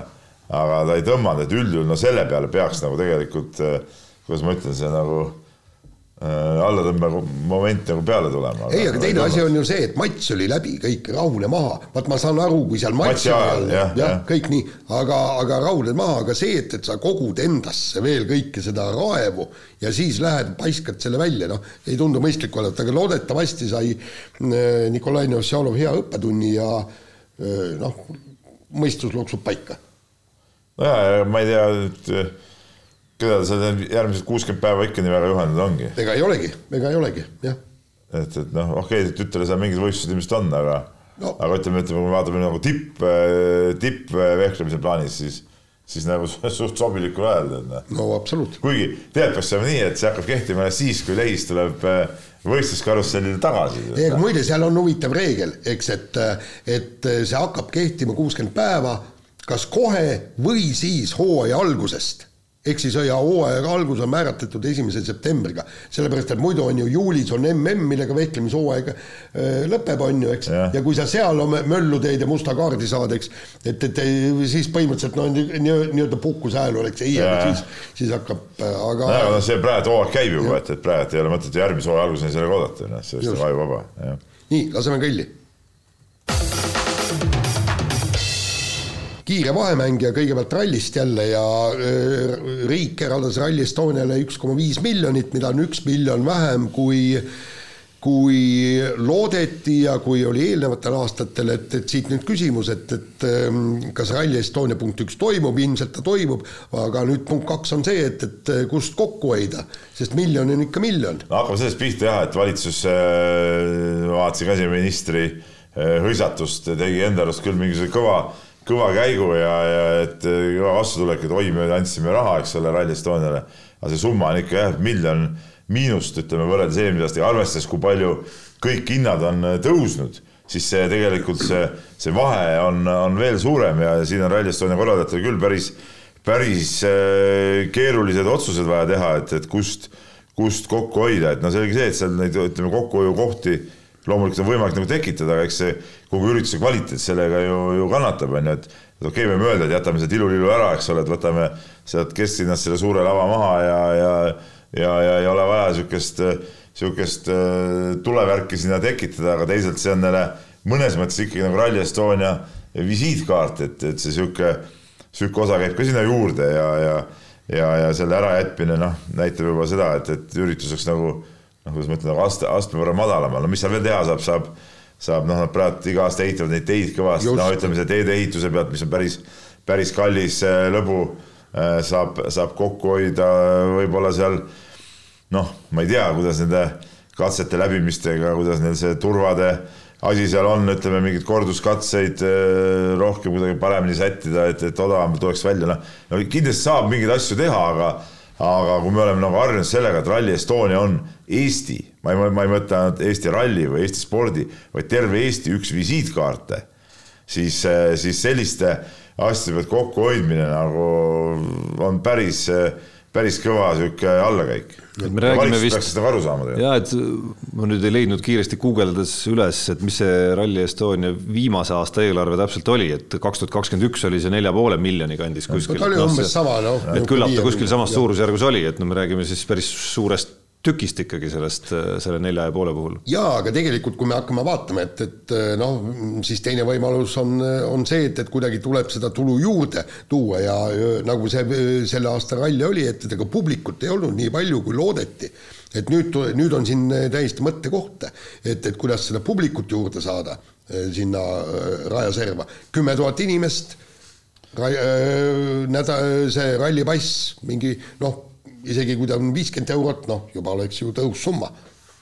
ei, seda muidugi, seda muidugi, jah. et aga mõtlemiskoht on ja loodetavasti ikkagi nüüd äh, kas järgmine nädal avaldatakse see rallikalender, äh, MM-sarja kalender, et loodetavasti on seal ikkagi Rally Estonia sees, kuigi Thierry Neville hakkas plõksima. Äh, minu teada, nii palju kui minul on informatsiooni, ütleme tänaseks see kalender veel päris paigas ei ole ja ja ei ole sada protsenti need mingid rallid kindlad ka seal okay.. aga Rally Estonia sinu andmetel?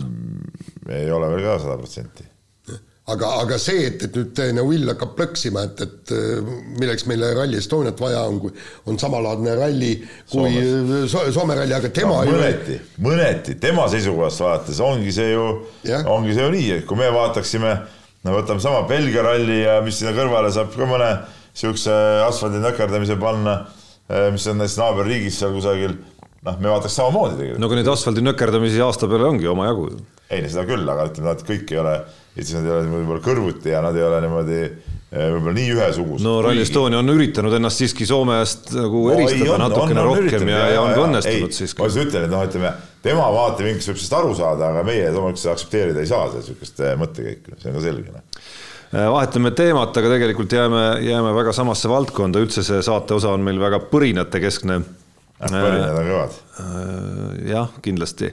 Hyundai rallitiimis, mis siis toimub, Oliver Solberg on, on kohe, põhimõtteliselt kinga kätte saanud. tähendab, Jaani täna see lehelugu täielik soperdis muidugi, täielik soperdis, eriti, eriti totter soperdis oli see lõik see Oliver Solbergist, arusaamatult arusaamatu põhjus. kuule, mis asja, no kuule, Jaan, kuule, mis mees on täielik tont. tohib ma segan, sekkun? täielik tont, no kuule, halloo, no mis asja. oota, Peep no., Peep, kas sa pakud praegusel hetkel, praegusel hetkel, enne seda, kui Robert Virves on, on oma, oma siis Rally2 äh, autoga sõitnud ja kõik, kes võib olla Solbergist kõvem vend, noortest, ma, ma mõtlen noortest, ma ei mõtle Mikkelseni, ma ei mõtle. ei no ei pruugigi olla kedagi, aga, aga kui see auto käib sul üle jõu praegu. just, siis nii, istuta ta Rally2 autosse, jah, aga ära või, anna kinni. no jaa, aga näiteks äh, mis Otiga juhtus, ka Ott äh, löödi ju korraks minema, mäletad? jaa, aga ta oli mitu aastat enne seda ju. ei, ta sõitis kohe... ühe hooaja versus, ühe hooaja sõitis versus, selle M-spordi tiimis. ja siis, äh, siis ju sai minekut, oli nii ju? vot, vot. mina mäletan küll niimoodi seda praegu okay., aga aga äh, mina arvan ka, et Solberg, okei okay,, ta mingi hetk võib temast tulla jumala okei okay sõidumees, eks ole. aga praegu ta ei ole veel selle auto ja selle asjaks valmis. tal ongi hea, kui ta saab kuskil rahulikumas keskkonnas ja. sõita, aga Hyundai tiim ei saa talle niisugust asja pakkuda. Peep, Peep aga mingi arusaamatu põhjus see küll Oota, ei olnud. selle üle võib vaielda, et kas nad oleks võinud ta saata oma WRC kahe rooli või midagi sellist, aga see, et ta Virtsu roolist ära võetakse, selles nüüd otseselt midagi arusaamatut küll ei ole, palju sa asetad autost lõhkuda siis? ei, küsimus ei ole mees, mees ju katkes ühe ralli nii, et kilomeetritki sõita. oota, Peep, sellega ma olen täiesti nõus, eks, et ta ei, võib-olla ei peaks istuma Virtsu roolis, kuigi panid, panid sa tähele ka seda lõiku, mis mul oli kirjas, et ta on sellel aastal rallidelt saanud neljanda, viienda aga kas sa oled vaadanud, kui palju ta nendel rallidel kaotas, kui ta need kohad on saanud? ta ka-, ta kaotas poolteist Palju, poolteist palju, minti, eks. palju, palju. jaa, aga, aga see näitab, et ta ei ikkagi ole konkurentsis olnud, selge see, et Jaa, tema ta noor ei- mees, noh, kõik ei ole Kalle Romantperad, eks ole, me temaga ei saa võrrelda. loomulikult noor mees vajab seda kogemust ja läbisõitmis neid asju. kas ta peab tegema MM-il äh, nii ütleme sihukeses äh, tiimis, tiimisõitjana, ei ole päris kindel. ei, aga okei okay,, anna siis talle see Rally2 auto ja ütle, et sa pead pool hooaega ise kinni no maksma aga ongi võib-olla siis äh, jah, jah, no aga andis üldse ja vabaks selle, ja, ja selle, selles mõttes on, et keda sa nüüd siis asemele võtad, sul peab olema mingisugune, kui sul on pikk ei, kas perspektiiv sul, peab olema mingisugune väga noor sõitja, ei pea olema. No,. no võiks olla, tähendab ühesõnaga võiks, igast asju võiks olla, aga ei aga pea ma- olema. no kes on, kes on siis noh, jätame nüüd Rompera kõrvale, kes see Toyota noorsõitja ei, on? aga sealt ei olegi, ma, üks võimalus ongi, et, et vaata nende probleem on see, et neil ei ole veel R5 autot või see Rally2 autot. et äh, ma miskipärast arvan, et nad nopiksid, nopiksid äh, Solbergi üles küll. nojah, no siin räägitud sellest, et ta võib M-sporti ka minna, noh. jaa, ei no ta ilmselt lähebki M-sporti, aga ma muud võimalust aga M-sport tähendab ka ikkagi enda rahakoti eh, kergitamist päris ma arvan, kõvasti. et, et ta, ta suudab ikkagi, noh, temalt ei, ei võeta no tal on see Monster või see on päris kõvasti taga, eks ole. ja, ja ilm, ilmselt talt ei küsita tervet seda noh, nii-öelda tervet seda nii-öelda aastapappi ja kõik, eks, aga, aga tegelikult see on, see on lihtsalt üks, üks niisugune kild jälle juures, et mi- millised jamad seal ündes on. jaa, aga, aga, aga ma tahtsin selle artikli kohta ütelda. see on täielik eh, pläust võrre-, mis me rääkisime just nädal tagasi. ma tahtsin, oota, ma tahtsin teema kokku võtta. Peep, ise, et, et, et see lugu oli nagu selles mõttes äh, eriti he- hästi nagu ajastatud, et te üritasite mind mõlemad eelmises saates üksteise võidu veenda, kuidas ei ole mõtet üldse nagu noh, ühest küljest minna küsimagi mingeid küsimusi, millele keegi ei oska vastata ja, ja kajastada seda. Ei olegi. ja see tänane lugu Ja ju on ei nüüd, on nüüd selgelt vastuolus sellega, mida te üritasite mulle mõlemad siin rääkida. ei, aga muide ma, räägin täna sama juttu. ei no jaa, aga mu- mul ei olnud seal loos kelleltki midagi küsitud aga, aga mis, mis nii, ei kirjutasid, aga, aga muide, stopp, vaata see, selle, selles mõttes oli see lugu huvitav. huvitav küll ei olnud, Ei.. ma lugesin seepärast läbi, et sind hakati siin saates rappima, ma poleks muidu isegi lugenud seda üldse. nii, et, et, et seal ei ole mitte ühtegi nii-öelda äh, nurgatagust kuulujuttu, vot see, mis ma sulle selle To- Toyota kohta rääkisin ja, ja Tänaku kohta, selle ma jätsin teadlikult välja, seal on kõik sees ainult see, mida on avaldanud Töötvis, soomlased, itaallased, prantslased, kõik see. jaa, aga ühelgi, ühelgi sellel jutul aru, ei Jaan- ole mingit reaalsust all. Jaan sõlmis otsad. kokku, võib nii öelda. Jah. sa nagu viisid nagu Ei, ma- suure ei, pildi ei,, ta, ütleme, ta tegi kuulduste Ei no-, kuulduste kokkuvõttes, ehk siis kuulduste kohta tegi oma kuulduse ei. no Jaan teeb, Jaan lihtsalt näeb suurt pilti. Ei no jaa, aga kas sa, kas sa tahad öelda, et, et kõik see on võimatu, ma panin lõppu sinna kaks stsenaariumi, üks on see, et, et asjad loksuvad paika ja kõik on nii, nagu on, mida ma ei, tegelikult alati on, osa. alati Jaan on muuseas viiskümmend, viiskümmend. jah, et asjad on nii või asjad ei ole nii. no just, et noh, selles suhtes ükspuha, mida sa võid kirjutada, tead noh alati see variant on, aga no kas seal, kas seal ka mingi point on, noh. no vaatame klikke, klikk on jumal no. kus nüüd alles läheb? selles mõttes mees läheb aina rohkem rappa omadega, et äh, nüüd jõudis klikini ka veel välja, ehk siis, ehk siis Ei ma no, tulen, ehk siis ma tulen, ehk siis ehk siis ma tulen taas tagasi selle jutu juurde, mida te üritasite veenda mind eelmises äh, saates, et ei ole mõtet küsimagi minna neid. siis sa küll kliki jutuga kuidagi ei tulnud välja. vaid otsisid ainult põhjusi, miks, miks mitte küsima minna. ei, aga no sina oleksid pidanud kliki jutuga ju välja tulema, sina olid oponent. ei, ma ei, aga mina ei olnud kliki pärast oponent, vaid selles mõttes, et Ei, ei, minu arust see- sisuliselt peab neid küsimusi Ei. küsima, kuni ühel hetkel saad vastuse. ja ja point. nii, Tarmo, saad aru, sa, sa oleksid pidanud leidma lisaargumente ja lis-, üks lisaargument on klikk. ja, ja kuna sina ei leidnud, siis mina teadlikult ju hoidsin ka selles suhtes suu kinni. nii, võtame järgmise teema. nii, järgmine teema on äh, eriti igav. Max Verstappen äh, kaitses äh, vormel üks sarjas MM-tiitlit ja, ja tundub, et nii võib veel äh, päris kaua minna, ma tunnistan ausalt, mul on äh, kodus see, see kurikuulus Viaplay olemas, kus siis saab ka vormelit vaadata teadupärast. ja ma just jälle siin poisiga ükspäev arutasime, et iga hooaja käib nagu peast läbi mõte, et see aasta ma vaatan räigelt seda vormelit, onju. aga mida aasta edasi, seda vähem ja vähem ja vähem ma olen seda vaadanud ja see aasta, ma ei tea, võib-olla, võib-olla hooaja peale kolm, kolmest etapist, kolme etapi pilti üldse olen näinud ja nendest kolmest etapist siis umbes kokku võib-olla maks kakskümmend minutit, et et no kuidagi kaob täitsa pildilt ära. no tegelikult su. hooaja algus oli ju tegelikult ääretult no, põnev. no, no mitte ainult hooaja algus, et sa räägid nagu aastatest mitmuses, et kui me nüüd meenutame, alles eelmisel hooajal oli vormel üks üle aastate kõige põnevam, kõige põnevam etendus üldse. ta oli ka eelmine aasta juba kadunud, sest ta näidatud televiisorist. ja, ja aga noh, reaalselt mina, isegi mina lülitusin nagu no, sellele lainele eelmise hooaja lõpus, aga, aga, aga selle hooaja käigus kadus see huvi ikka täiesti ära. esiteks üks asi on see, et, et ei olnud põnev, teine asi on see, et, et nii nagu Eesti koondise jalgpall, ma pole, ma ei tea, viimast, viimaseid ühtegi Eesti koondise mängu näinud. sest et mul isegi tuli isegi, mul läks üks, ükskord isegi meelest ära, et Eesti koondise jalka on, sest telekas ei olnud seda. no siin natuke mängib nagu jalkakoondise puhul võib-olla see fakt, et need viimased mängud on olnud noh, San Marino mäng võib-olla ei olegi see, mis silmapaare kõige rohkem ligi meelitab, aga, aga mina, aga minu jaoks, ei, aga minu jaoks see nüüd nii ära kadunud jalgpall küll ei ole Eesti, Eesti koondise jalgpall vähemalt. kõik see, mis on äh, teleks läinud, on ikkagi, mis silmad läinud, see meelest ka läinud. jaa, aga sama, samas ongi mõlemad korrad kahe mängu puhul Eesti jalgpallikoondis. nii, vaatan, ahaa, mäng peaks hakkama, panen äh, arvutist, võtan see ERR-i, eks ette, et hakkan nüüd sealt vaatama, kõik vaatan mingi blogi. Nemad peavad blogi, mis mõttes blogi, näita pilti äh?.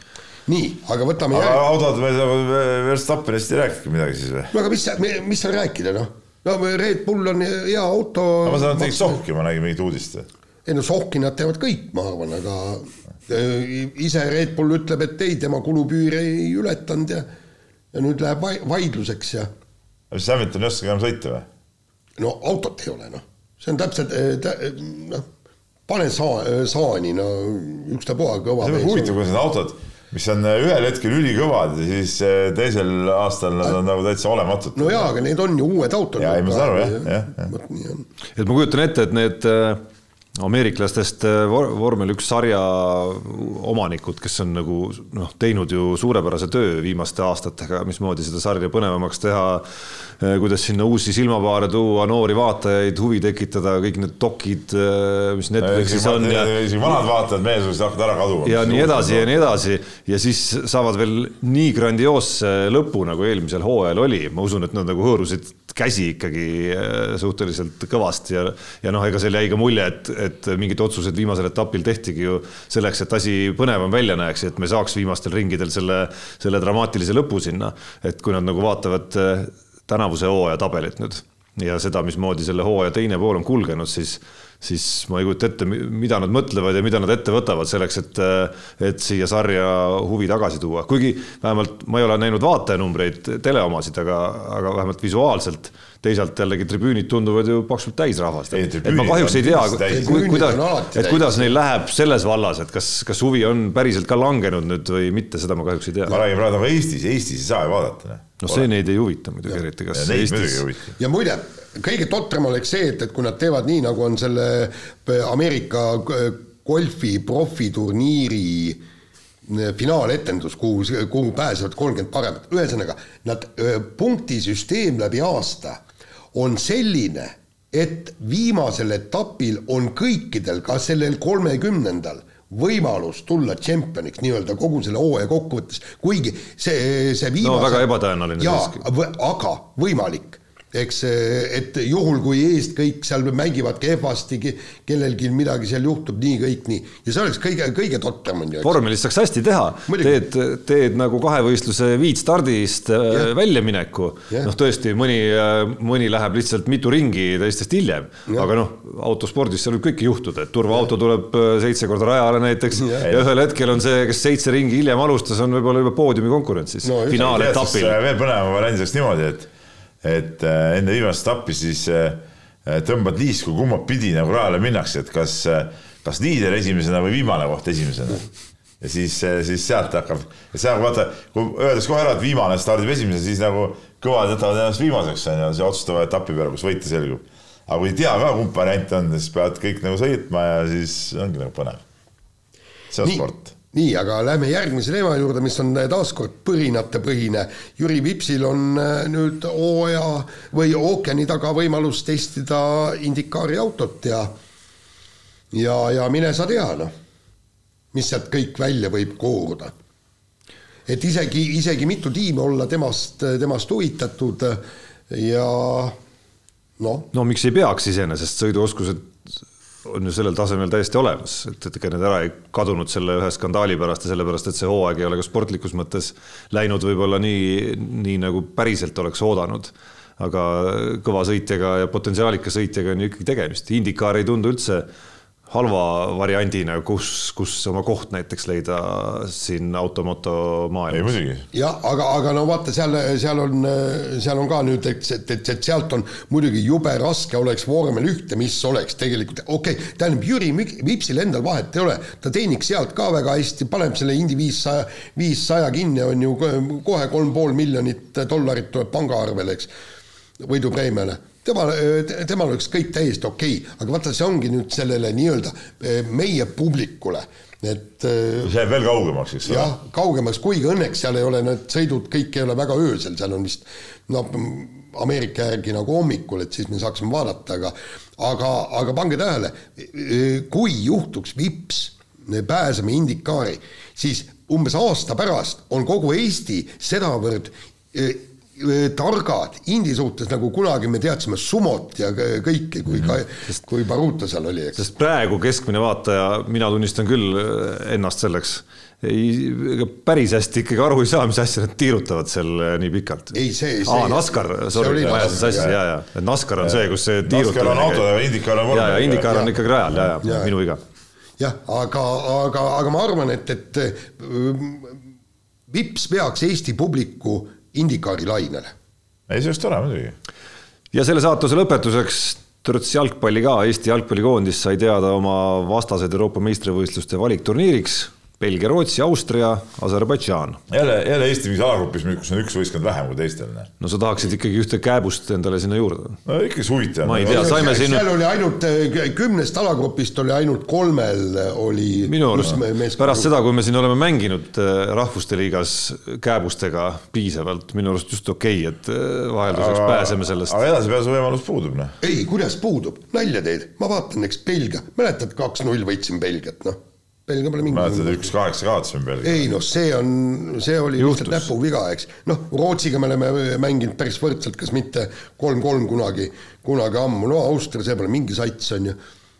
Aserbaidžaanis Bakuun FC mehed tulevad välja no,. no vot, et seda on võimalik väita, ei. ei, kuidas? FC kõrgliga sats ei no jaa, aga võimalik on võita ja, ja vaata, selles mõttes on hea, et sa pead alagrupis kahe parema sekka pääsema ja oledki hopp finaalturniiril, ei ole niimoodi, et, et siis sa pead mingisuguseid play-off mänge mängima, ei, see on, võimalused on kõik olemas. nagu Jaani ütles. väga, väga lihtsalt kõlab kõik absoluutselt no,, aga... realist olles siis võiks põhieesmärk olla aseritest ees olla, et, et natukene selles hierarhias, jalgpallikoondiste hierarhias sammuke ülespoole saada. oleks ka hästi. ei, ei, ikka maksimum eesmärk, edasipääs. laseme kõlli Unibetis saab tasuta vaadata aastas enam kui viiekümne tuhande mängu otseülekannet. seda isegi mobiilis ja tahvelarvutis. Unibet, mängijatelt mängijatele. räägime Unibetist Jaan, kas NFL-i hooaeg ei, ei toidab ole, juba? ei ole, ei ikka ole. pilt on nii segane? pilt on segane ja ei pannud, tegelikult ma ise mõtlesin, noh, mõned väiksed panused panna just vormelisõidu peale, eks. aga aga noh, loobusin, ma oleks Verstappeni peale pannud ja, ja noh, mõne penni oleks võitnud, et, et suurt, suurt kaotust ei olnud sellest, et ma ei, ei teinud panust. ja no mina olen, tegin, aga, aga seisan, tammun põhimõtteliselt ühel kohal ehk et, ehk et paar panust läksid risti vastu, ühe võitsin, ühe kaotasin, Kossu Euroliigast on jutt ja, ja ei ole siin nagu tulemuslikkust ette näidata. Peep. jah. noh Lähme kirjade juurde. Mul kuidagi nagu ei tule välja see asi seal, no ei tule välja see asi, no ma ei tea, mis oled alla andnud? ei ole noh, ei ole, nädalad on nii kiiresti kuidagi ebareaalne, alles istusime siin, täna juba jälle istume siin. jah, nagu eile. nagu eile oleks olnud jah Äh, mis puudutab Mehed ei nuta eripanust äh, sellel nädalal, siis äh, endiselt on, on üleval, see on siis järgmist nädalat puudutav panus Hispaania ralli kohta. Et Ott Tänak jõuab selle esimese kolme hulka. koefitsiendiga üks koma seitse ja, ja värskem on siis, mis puudutab korvpalli ja meest, keda me siin või mehi, kellest me siin saate alguses natukene rääkisime ka. ehk siis Euroliiga kohtumine, teine voor, Victoria Baskonia võõrustamas legendaarset Zelko Obradoviči ja, ja Belgradi partisani ja mehed ei nuta eripanusena on siis äh, kodumeeskonna võit, Baskonia võit seal üks koma seitsekümmend viis, nii et sellised valikud mehed ei nuta eripanustena. aga kirjad? ahaa, kirjad jah, kirjad vahepeal unustasin ära, et peab, peab neid ka vaatama, nii ja siin on mõned kirjad on tulnud äh, nende käest, nende korvpalli mängimiste pihta ja küsiti, et, et äh, et napp kaotus on viimastel minutitel on siiski nagu treeneri kaotus, eks ole, et mida, mida mul on äh, enda kaitseks öelda, vastab tõele, ongi treeneri kaotus, polegi midagi ennast õigustada, et nii, nii ongi. võtame, võtame süü omaks ja, ja läheme edasi. mina küll, ma küll jäin mõtlema, et kust see nagu tulnud tegelikult on siiski no, kui nüüd päriselt süveneda ikkagi sellesse, et oletame, et on äh, lõpul Otto mängus, nagu see tegelikult oli, viigiseis, mõlemal meeskonnal rünnak. Äh, aina rohkem me näeme, kuidas äh, lõpuks neid, neid olukordi lahendavad üksikud mängijad oma individuaalse meisterlikkusega. ühe mängija, staarmängija viskab palli korvi, teisel viskab mööda ja siis on treener süüdi või? jah, valele mehele või panuse aga keegi ei tea kunagi, kas mingile teisele mehele panuse panemine eh, oleks teise tulemuse andnud või järgmine kord teed samale mehele panuse, ta viskab sisse ja siis oled äkki geenius. sa pead tundma seda, tunnetama seda, et kas tasub sellele panna. sel päeval, sel hetkel just tasub, kas ta täna just eh, saab viskele ja ükskord, viskab sisse. ükskord mängisime Eiblit eh, kuskil Itaalias ja siis oli ka, meil oli, me olime kolmega taga ja seal oli no mingi paar sekundit lõpuni, meil oli time out ja ja siis ma konkreetselt küsisin mehe käest, et paned sisse või? jah, davai siis läheb sinu viske peale. no aga reedel küsisid pani, kellegi käest? ja pani, pani sisse ka. reedel sa unustasid küsimata, ma saan aru. ei tulnudki, noh. no okei okay,, siis on selge. siis on asi selge. nii ongi, jah. vot, aga äh, Marti kirjutab ja ta vaatas parajasti, kui ta kirja kirjutas äh, Baskonia Tenerife mängu, neli minutit mängida, ütles, et ja et kirjutab, et Raiesti on kuum nagu keris ja Kotsar ka hea olnud aga platsil pole, et, et kuidas hindad otsust, no sa kirjutasid nagu meie meili peale, aga nagu minu käest küsis seda, et Euroliiga nädala MVP istub, et loll treener on ikka raske olla. no vot, ma, ma kahjuks vot seda mängu ma ei näinud nagu üldse tegelikult, kui päris aus olla, aga, aga noh no mina, ma, mina, ma nägin. kommenteerisid? jaa, kommenteerisin ka, et, et selge, et Eesti korvpallisõbrana eriti tekib see, see tunne ja noh, mõlema Eesti mehe puhul siis, kuna Sander Rajasti tegi nii vinge kolmanda veeranda ja teise veeranda lõpu ja neljanda alguse ka ja, ja Maik-Kalev Kotsariga on nii värske hea mälestus ja nende väljakul olles kolmandal veerandajal see, see mäng ju pöörata ringi siis tekib muidugi see tohutu tunne, et see treener on ikka rumal küll, teisest küljest noh, saad ju temast ka aru, et et äh, Sander Raieste justkui niigi ületas ennast päris no, kõvasti, et sa nagu võtad selle loogika, et otsustaval hetkel tood ikka mehed väljakule, kes ongi mõeldud siis ja otsustajaks sellesse meeskonda ja seal mängima. ja, ja noh, ja, ja, ja, ja teistpidi see Matthew Costello ja Maik-Kalev Kotsari vahetus seal nagu samamoodi, et äh, noh, ma tajusin seda, et ühel hetkel ta tundis, et ta tahab nagu siis sellesama koosseisuga, kes tal need viimased minutid mängis seal, et noh, tahab ikkagi nagu lõpuni panna, et ei taha veel mingisugust mingisuguse muutusega seal enam riskida. teisalt samas oli tunda, et see initsiatiiv hakkab neil käest ikkagi ära minema, et äh, ma saan aru, miks ta jäi nagu pidama sellele koosseisule, kes tal seal mängis kusagil viis-kuus minutit enne lõppu vist see lõplik viisik, kes väljakul oli, see siis jäigi platsile. teisest küljest mina isiklikult harrastus, harrastusvaatlejana siis oleks mõelnud või, või mõtleks tagantjärele nii, et, et Raieste nagu pingile jätmine tundus mulle loogilisem, aga võib-olla Kotsari oleks Costello asemele toonud ikkagi. no vot, ähm, ma ei näinud seda, et võib-olla äh, Kotsaril oli seal kaitses mingeid probleeme, võib-olla see nende tsenter kaitse ei sobinud või ei olnud? ei, ei, mina, mina vähemalt ei tajunud, aga ma ei ole ka ekspert et, et, et noh, seal mingid nüansid olid, ega see ei ole nii, et, et noh, siin Martin on lihtne öelda, et loll treener on ikka raske olla, aga aga ei jäta ükski treener ju, ju, et oi, mul on hea mees, ma ei pane teda, et las, las, las ta istub, et mängime siis mängu ära, et treener ikka on mingi oma mingi nägemus ja, ja miks üks mees on platsi peal ja, ja teine mees ei ole, et, et see Raieste kohta sa ütlesid nagu õigesti ära, et see on selge, et et noh, see, et okei okay,, pani seal kuskil järjest mingid kolmesed ära, seda, et teda mängu lõpus peaks kasutama, et need on hoopis kaks täiesti erinevat olukorda, eks ju, noh, võib, võib ka nii juhtuda, et terve mängu hästi mänginud mees seal lõpus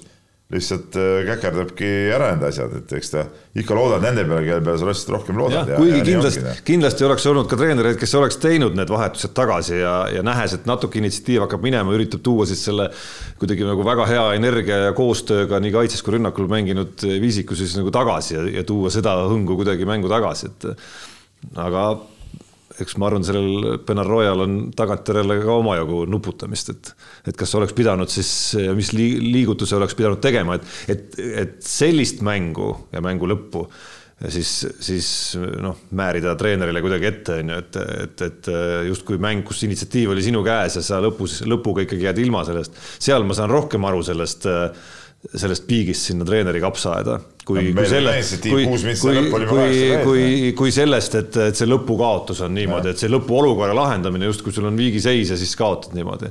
tõsi jah, et ma arvan, et sa ka lõpuks kirud oluliselt rohkem seda, et äh, miks te ei suutnud neid Barnise kolmesid ära hoida seal, kellel olid seal kogu aeg mingid vastused olemas teie, teie tabamustele no,. Need olid, need olid kaitseeksimused, kokkulepete eiramised. just, et ma arvan, et sa kirud neid palju rohkem ja. kui seda, et see viimast rünnakut ei õnnestunud ära lahendada. ei, see viimane rünnak muidugi, selle peale midagi kiruda. nii, aga lähme edasi, aga ralli teemal tulnud veel üks, üks kiri äh, mis haakub siin ka natuke, mis me ennem rääkisime ja, ja, ja Jaani selle soperdisega, Aadu kirjutab meile ja ja kirjutab siin ka, et Oti ümber on spekulatsioone oi-oi kui palju. et eh, eks olete ka oma saates neist rääkinud ja, ja tema toob välja, et eh, tema arvates kõige parem võimalus veekord MM-tiitli võita oleks jääda Otil Hyundai'sse või mingisuguse ime läbi saada uuesti Toyotasse. et tal ei ole Fordi usku, et eh, okei okay,, mehed on seal ka kehvad olnud, aga auto on ka piisavalt lagunenud, kui arvestada, mis kiirusel tegelikult peaks sõitma ja pidevalt seda kiirust näitama, et tulla maailmameistriks, siis see auto laguneks veelgi rohkem ja, ja ta pakub siin välja, et, et teeb ennustuse õigemini, et kui nüüd kuulutas Ott ah,, see on huvitav jutt muidugi, et ta teebki ennustuse, et Ott ikkagi läheb lõpuks Fordi. et, et teeb veel ühe aasta Fordis kaasa, lõpetab karjääri, et seal, kus suitsu, seal tuld. jah, noh, ma tegelikult pigem, pigem arvan seda Toyota värki, aga tegelikult noh, iseenesest, iseenesest oleks ju kui Ott läks Toyotasse, siis on täpselt niimoodi, et, et kaks meest rinnad koos, kes keda. et siis oleks väga selge, me ei saa rääkida, et sul on parem auto, mul on parem auto. siin vot nii, nüüd otsustame ja saab selgeks, kes on äh, Liivimaa kõige kõvem ratsutaja.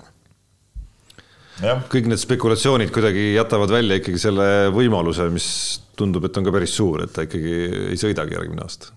Äh, ma sellesse hästi ei usu praegu nii, aga võtame viimase Mihkel Blaasi, ka meie vana hea kirjasaatja kirja ja ta toob, äh, räägib ka korvpallist, et kõikides korvpalli podcast'is on kõlama jäänud, et ukrainlaste Prometee on teistega võrreldes täiesti teisel tasemel meeskond äh, ning nende osalemine muudab liiga, siis Eesti-Läti liiga igavaks.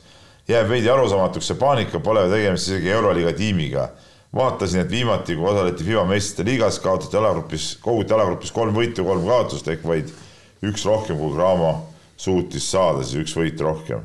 et kas tõesti on see võistkond nii palju kõvem kui igasugused Tšennised ja Permi Parmad ja, Jenisseid, ma mõtlen Tšennised, Jenisseid ja Permi Parmad, keda Kalev ETB liigas ikka igal hooajal suutis võita noh, eelarve mõttes on ikkagi omajagu kõvemad kui, kui kõvem kui see Parma ja, ja Jenisseid.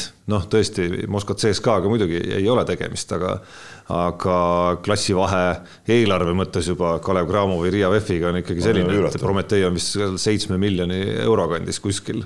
et noh, muidugi teisest otsast on küsimus õige, et, et mis me peame siin nüüd nii allaheitlikult äh, ütlema kohe, et, et äh, mis nad siin tilpnevad üldse, aga ma arvan, et see vahe ei ilmselt, et, et Kalev Cramo ja Riia VEF on pigem need satsid, kes just on rahul, et Prometee-sugune on, on liigas ühe tugeva vastasena neile juures. aga küsimus on natuke sellest, et Eesti-Läti liiga koosneb väga paljudest teistest võistkondadest ka, kus see vahe, kus see vahe läheb ikkagi ütleme, sul on siis nagu kahe-kolmesaja tuhande eelarvega sats on siis mängib seitsme miljonise vastu, et see, see on ikka päris jõhker vahe. sa esin siis praegu huvitava avaldusega, sa arvad, et Kalev Cramo on kindlalt Eesti number üks sats sellest või?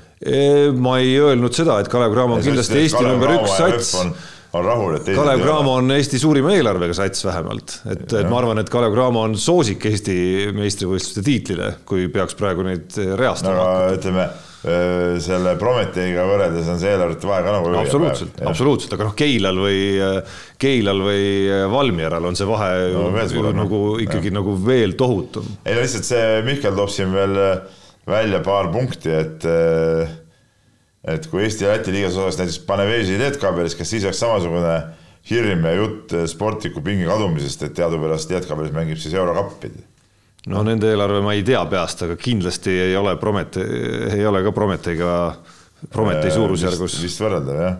ja, ja küsib ka seda, et kui Promete on nii hirmus, siis mida peavad mõtlema Leedu klubid, kes peavad mängima Euroliiga klubi Žalgirise vastu. ja siin on see vahe lihtsalt, et Leedu liigas olevad võistkonnad, võistkondade niisugune ka lõpuotsa tase on ja, ja, ja võrreldes Žalgirisega see tase on nagu ühtlasem ja taseme vahe on väiksem, sest et tegemist on seal on nagu tead eelarve, eelarvepiirangute noh, ütleme alla milje sul ei tohi üldse olla võistkond. siin Eesti-Läti liigas on ikkagi ka väiksemaid äh, võistkondi kui, kui ütleme seal Leedus noh, pluss see vahe ka, et, et need, see on ikkagi Leedu liiga, et siia Prometee on tulnud külalisena, ütleme. aga, aga no ma olen, ma olen teistpidi selle küsimusega nõus, et, et, et äh, seda ei pea ainult vaatama selle noh, nagu mõttetuse printsiibist, lihtsalt, lihtsalt see kuidagi sisuline mõttekus oleks olnud suurem, kui Prometee ei ole selline su-, ülisuure eelarvega kokku pandud äh, Ukraina sats, kus on äh, ülikõvade palkadega pandud legionäre, äh, legionäre kokku ja, ja, ja tehtud sellist, vaid et see oleks selline kuidagi selline nagu Ukraina siis nagu tippspordi kuidagi nagu elus hoidmise mingisugune motiiv jookseks sealt nagu rohkem läbi koos sellega, et seal on noori ukrainlasi ja rohkem neid Ukraina mängijaid ennast ka seal ja, nende peal on rohkem see kogu tiim üles ehitatud, et võib-olla see, see oleks kuidagi nagu, nagu sisuliselt veel ägedam oleks, oleks see projekt ja nende kaasamine siia. no minu arust sellisel kujul see võistkond ongi nagu mõttetu või see ei ole nagu õige. aga Mihklil on veel kolmas punkt ka. küsimus, küsimus on ka teistpidi, et, et, et noh, mis, mis neile see annab, et noh, mida neile annab Keilasse tulek sellel hooajal kogu austuse juures. Ja Valmierasse ja LU-ga mängimine, et kas, kas minu teada neil ei ole ka sellist äh, mingit järelkasvutiimi seal taga, kes siis äh, nendes mängudes saaks siis oma võimaluse näidata, et pigem saavad selle võimaluse siis seitsmes, seitsmes kuni kolmeteistkümnes mees siis saavad rohkem. aga Mihkel ütleb lõpetuseks ka, et kui Euroopa meeskond on Eesti-Läti meeskondadest nii palju üle, et võiks kõikiga pingipoistega võita, siis mis korvpallitasemest me üldse räägime ja noh, see tõdemus ongi mõnes mõttes õige, aga see tase on lihtsalt meil selline, ega midagi teha pole. vot nii, sellega ma loeks nüüd selle saate lõppenuks, ma ei tea, Jaan, tahad midagi põhjapanevat ütelda? panen põhja sellega, et, et saade on lõppenud. mehed ei nuta. saate tõi sinuni Unibet, mängijatelt mängijatele